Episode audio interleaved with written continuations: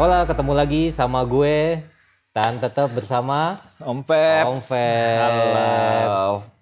di podcastnya Om Febs. Kita ingetin lagi kita ngomongin seputar roda dua buat sharing-sharing informasi buat teman-teman. Siapa tahu ada yang butuh bisa dengerin podcastnya Febs 78. Nah di episode 6 ini Om Febs Hmm. kita mau ngebahas apa nih Om Febs ya? Eh, di episode 6 kali ini sebenarnya ngebahas eh, kenapa waktu itu ada juga pertanyaan apakah sebenarnya Peps itu passionnya di motor atau di mobil. Iya kenapa nggak di pesawat atau di kapal pesiar gitu Om Febs? Ada juga yang nanya sih, ada juga yang Iya. bilang kenapa gua kerjanya lebih banyak dengan kapal, kenapa gua nggak koleksi kapal Iya sekarang. siapa Aduh, tahu kan ya namanya hobi kan bisa ya. apa aja. Masa gua koleksi kapal.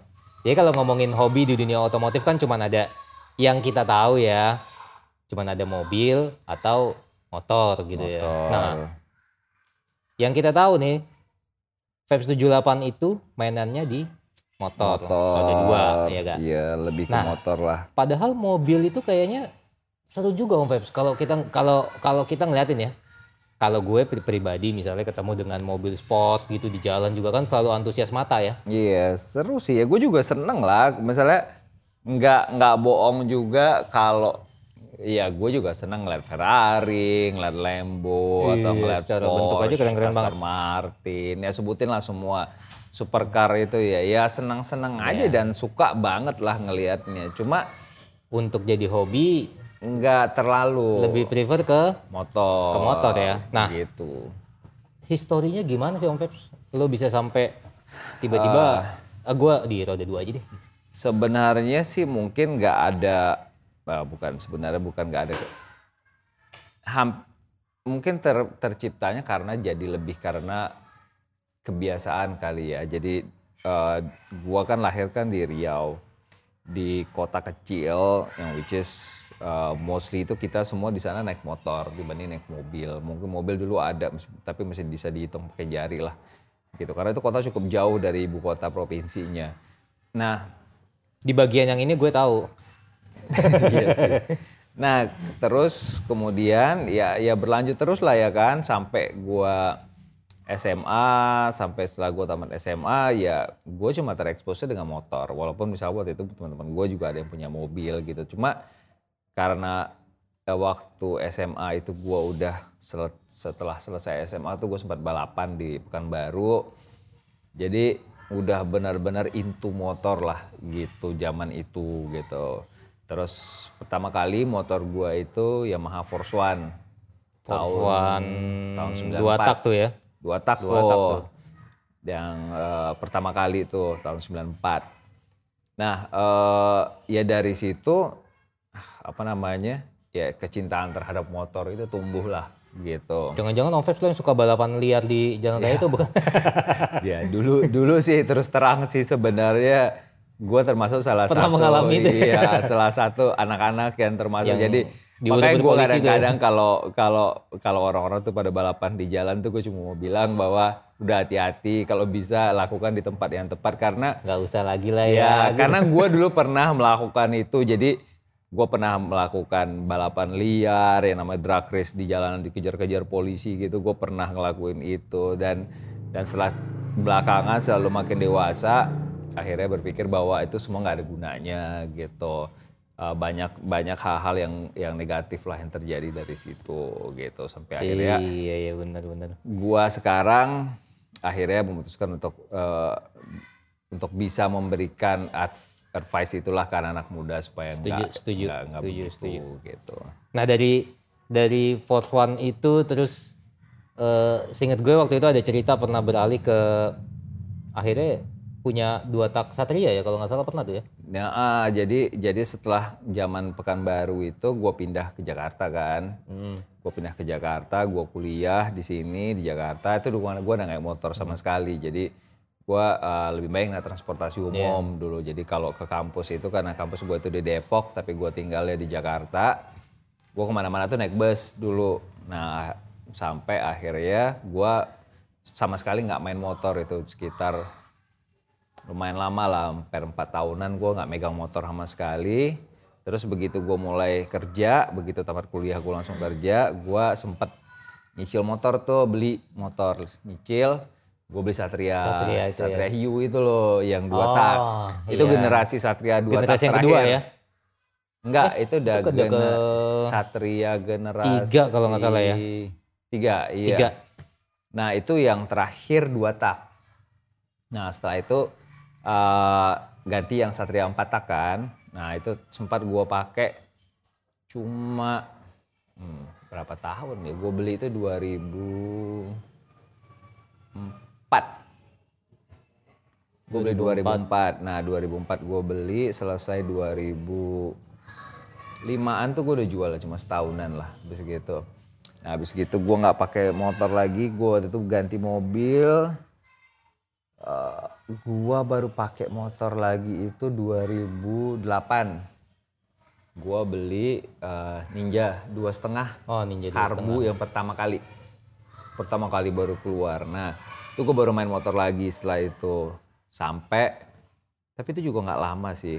Eh, 2008 itu gue cuma sampai nggak nyampe 2010 lah 2009an gitu gue udah gue jual juga Ninja dua setengahnya habis gitu gue stop sama sekali juga main motor habis itu gue merit eh gue baru beli motor lagi itu 2012 Apa tuh? Beli langsung waktu itu Ducati Monster 795 Oh ini Moge Moge pertama Moge waktu itu pertama Ducati itulah Monster tuh ya. Ducati Monster 795 795. jadi gue ada sempat on off on offnya main motor setelah setelah dari pertama kali itu gitu Tapi nggak nggak menghilangkan kesukaannya sama Enggak. roda dua gitu enggak, tetap ya. Enggak, walaupun waktu itu gue udah pakai mobil segala macam. Waktu itu malah sempat ikut klub-klub mobil gitulah ya. Terus tapi apa yang gue rasain di klub mobil, apa yang gue rasain main dengan teman-teman mobil itu beda ketika gue main sama teman-teman motor. Apa sih bedanya Feb? Eh, banyak lah ya. eh, mungkin lebih karena passion gue ada di motor. Jadi gue lebih ngerasa bahwa anak motor itu lebih brotherhoodnya itu lebih kencang. Lebih kuat gitu. ya? Lebih kuat. Jadi kayak eh, kita itu kayak kayak apa ya? Kayak no one left behind gitulah istilahnya. Jadi kalau ada apa-apa tuh semua harus sama bareng gitu. Ya bukan berarti komunitas mobil juga nggak nggak sama. iya mobil juga Cuman- sebenarnya sama. Cuma bondingnya lebih beda gitu. Buat kita pribadi di motor tuh ya ada tempat spesial ya intinya ya. Betul. Jadi kita dulu bela-belain mau pergi touring, mau bela-belain untuk pergi nongkrong sama anak motor dan sensasi naik motornya sendiri gitu. Pergi balapan bareng, ke Sentul bareng, ke sirkuit bareng kayak gitu-gitu. Itu beda feel-nya eh, ketika waktu gue main mobil gitu. Sebenarnya kalau kalau kita ngomongin roda dua dengan roda empat itu, eh, kalau di otak gue kan selalu ngerasa sebenarnya ngeraw- ngerawat roda empat jauh lebih susah daripada ngerawat roda dua. Tapi pada prakteknya bener nggak nih? Roda dua juga ternyata lebih sulit juga. Apalagi kalau kita udah ngomongin yang namanya moge. Sebenarnya kalau dibilang sulit juga bukan yang bukan yang sesuatu yang istilahnya merepotkan sih enggak sebenarnya. Cuma yang menjadi pembedanya adalah ketika kita miara jenis roda dua atau roda empatnya dulu nih gitu misalkan. Oh, oke. Terus sama usianya itu nanti yang membedakan seba- sebanyak apa kita bakal eh, atau setelaten apa akan ngerawat ini barang gitu. Misalkan gini, kalau kita ngerawat motor Jepang, let's say masih baru tahunnya 2018, misalkan 19, ya mungkin nggak ada perlu perawatan apa-apa karena motornya masih baru, ya kan masih grass. Paling ya apa sih standar lah ganti oli, eh, servis ringan ya kayak gitu-gitu lah. Jadi bukan hal yang sulit. Nah sama juga di mobil juga gitu. Ketika kita ngerawat mobil Jepang yang masih baru atau mobil Eropa yang masih baru, juga nggak akan susah. Nah kadang-kadang orang ngerasa bahwa wah gue nggak tahu nih kalau ngerawat motor itu seberapa mahal atau apa lebih mahal dari ngerawat mobil apa lebih susah apa enggak sih sebenarnya ketika kita ngomongin usia mungkin let's say kita punya motor misalkan umurnya udah 25 tahun kayak misalkan BMW R25 zaman itu gitu tahun 70-an atau tahun 60-an Nah itu kan usia motornya kan udah 30 tahun, udah 20 tahun sekian gitu. Jadi banyak part-parts yang mulai awus Udah nggak ya ada kan, gitu atau yang ya. mulai susah dicari, atau part-parts yang memang eh, apa istilahnya de- dengan usia kendaraannya sendiri memang harus diganti kayak gitu. Nah dan kadang-kadang ketersediaan barang-barang ini aftermarketnya itu enggak apalagi di Indonesia kan Moge itu kan baru benar-benar hype-nya itu kan satu dekade belakangan Iya. setelah 2010. Kalau sebelum 2010 itu masih agak sulit nyari. Kalau sekarang kan online Sekarang udah, udah- lebih gampang, udah lebih gampang ya. kan bisa beli lewat eBay, bisa bisa lewat online kayak gitu-gitu. Toko-toko juga udah Iya. banyak kan. Atau mungkin karena eh, kita bergabung di komunitas itu juga salah satu Betul, kegunaannya. itu salah satu kegunaan supaya kita tahu bisa ya. tanya misalkan, eh gue mau cari part ini nih gitu di mana ya kira-kira jadi informasi itu bisa dapat di situ. Kadang-kadang mungkin anak-anak anak-anak komunitasnya sendiri juga punya spare kayak gitu-gitulah. Iya mereka mereka bisa Makanya- bantu dan nyediain ya. Iya, makanya kalau gua selalu bilang itu ketika kita main di barang-barang yang udah umurnya tua, vintage gitu, klasik gitu, sering-sering nongkrong sama komunitas karena kebutuhan kita sama sebenarnya, mirip Iya. misalkan gitu. Kayak gini misalkan eh kayak Om Cem gitu ya, Ride Like Cem. Om Cem tuh punya motor satu RC eh, 30. Itu tahun 87. Berarti udah 32, 32 tahun. tahun. Kan udah susah tuh nyari partnya. Nah, salah satu yang susah adalah part ban belakangnya dia. Karena ban belakangnya dia itu size-nya 18 inch. Which motor-motor Iya, sekarang itu 17 standarnya ya. 17. Padahal itu motor 16 super gitu. Depannya 17, belakangnya 18. Nah itu kan susah nyari bannya. Terus eh, kita butuh teman kan di situ untuk nanya di mana sih buat nyari-nyari barang yang model beginian itu di mana. Biasanya info-info itu berguna ketika kita ada di dalam suatu komunitas. Kayak gua misalkan pakai Desmo gitu, Ducati Desmo gua itu kan ban belakangnya 16. Itu juga susah nyarinya. Jadi gua harus nyari ngubek sampai ke luar negeri. Yang terakhir gue dapat ban gue itu di Jepang waktu itu. Karena emang di Indonesia itu nggak ada sama sekali. Itu dapatnya baru atau saya kan waktu di Jepang? Baru, baru. Oh baru. Tapi eh, nggak mudah nyarinya gitu. Jadi itulah eh, salah satu kegunaan kenapa kita ada di komunitas. Nah, kadang-kadang orang nanya, susah nggak sih ngerawatnya jadinya? Ya susah gampangnya tergantung lagi balik lagi. Nah, kita dapat barangnya dalam kondisinya seperti apa? Usia barangnya udah berapa lama? Ini barang misalkan Jepang atau Eropa misalkan Iya. gitu atau Amerika gitu kayak Harley ya kan. Terus eh, seberapa langka barang ini ada di dunia gitu. Semakin langka definitely semakin susah nyari part penggantinya gitu. Tapi waktu itu kalau misalkan dia punya produksi banyak gitu ya mungkin akan lebih mudah. Karena mungkin di Amerika ada, di Jepang ada, atau di, misalnya di Asia ada, misalnya atau di Eropa ada gitu. Tapi kalau ketika barangnya waktu itu diproduksi cuma terbatas cuma 100 gitu.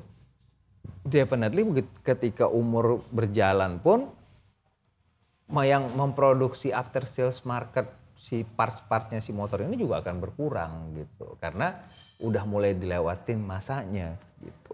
Makanya mungkin ketika ada pertanyaan dari teman-teman, jadi susah mana antara mobil dengan motor? Biasanya Sama kalau udah aja. udah hobi, gue gue percaya banget nih Om, kalau udah hobi, mau itu susahnya segimana, nemu aja jalan Pasti nemu. keluarnya. Jadi gitu gini loh.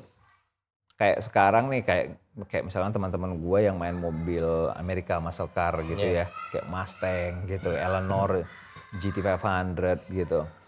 Itu kan sebenarnya juga nyari partnya nggak gampang di Iya, Indo susah juga gitu. karena itu. mobil itu mostly diproduksi waktu itu di Eropa dan hanya segelintir porsinya aja waktu itu yang dijual di Asia dan di Eropa gitu. Jadi kalau mau nyari partnya di Eropa, tapi bukti bahwa di sini pun motor-motor itu hidup, ya sorry, mobil-mobil itu Itu juga ya, uh, banyak semua di banyak di jalanan dan ada aja Ada aja. bisa dicari. Ya apalagi kita Indonesia agak lumayan terkenal sama yang namanya modifikasi ya Om ya. Iya, jadi ya mungkin ada juga istilahnya namanya barang Di- kanibalan. dikanibalin. Kalau nggak ada ya dikasih gitu. barang lain gitu yang, kan. yang yang mirip atau yang serupa sama lah kegunaan atau fungsinya itu juga bisa gitu. Tapi ya ada ada suka duka tertentunya ketika kita ngerawat barang eh, yang yang udah usianya udah panjang ya, udah usianya udah banyak gitu. Karena apa? Karena kita harus tahu sebenarnya barang-barang ini di mana belinya. Tapi kalau dibilang perawatan dan segala macam ya basicnya sih hampir sama aja ya antara perawatan motor ataupun mobil ya mungkin kayak standar lah oli ya kan. Iya, apalagi kalau motornya baru ya. Iya, ban yang harus diperhatiin, kaki-kaki, bushing-bushing gitu. Terus ketika kita mulai ngerasain, oh ini ada something yang nggak benar sama nih motor, langsung benerin gitu, cari penyakitnya gitu. Jadi nggak se nggak sesi nggak sesulit itu juga gitu. Dan banyak kayak teman-teman gue yang juga hobinya itu ngebongkar sendiri gitu. Ya, dia ngerasa jadi- jadi bisa ngerasain ya, juga ya, ya. dia bisa jadi nggak bisa ngebengkel sendiri dia ngerasa bahwa oh something nggak something nggak tepat nih sama sama sama suspensi belakang gua Iya. atau bunyi atau apa segala ya ditinggal kalau dia memang ma- punya punya toolsnya punya alat-alatnya tinggal bongkar cari masalahnya apa ketemu Iya. cuma cari replacement part paling kayak gitu Pokoknya inget ya teman-teman kalau suka sama sesuatu jangan setengah-setengah. jangan setengah-setengah Ditekunin aja full, ditekunin semuanya. Nah kalau nanti ada ada pertanyaan dari teman-teman, emang gimana caranya kita milih motor second atau motor baru? Nah nanti boleh tuh Om Feb. Eh, Boleh, nanti gua- bakalan bahas tuh. Ya nanti gua akan coba bahas itu juga. Mungkin gua ajak eh, teman-teman collab yang lain. Nanti gue coba collab bareng biar biar gua bisa kasih masukan apa. Mungkin nanti dari tamu undangan kita bisa ngasih undangan apa gitu Ya. yang eh, apa yang advice yang Iya. kira-kira bisa berguna lah untuk orang-orang misalkan yang baru memulai untuk main moge gitu. Supaya ada misalkan. Tips tips and tricks dari pandangannya akan mereka seperti ya. apa untuk iya untuk untuk kira-kira sebagai pemula di dunia moge ini gitu. Karena moge itu kan bukan cuma alat transportasi Iya. gitu. Dia bisa sebagai alat untuk investasi juga. Ya kan? Terus kemudian bisa sebagai alat status sosial. Itu juga bisa, ya kan? Karena kita tahu nih orang ketika ngomongin moge pasti ngomongin status sosial Iya. gitu, ya kan?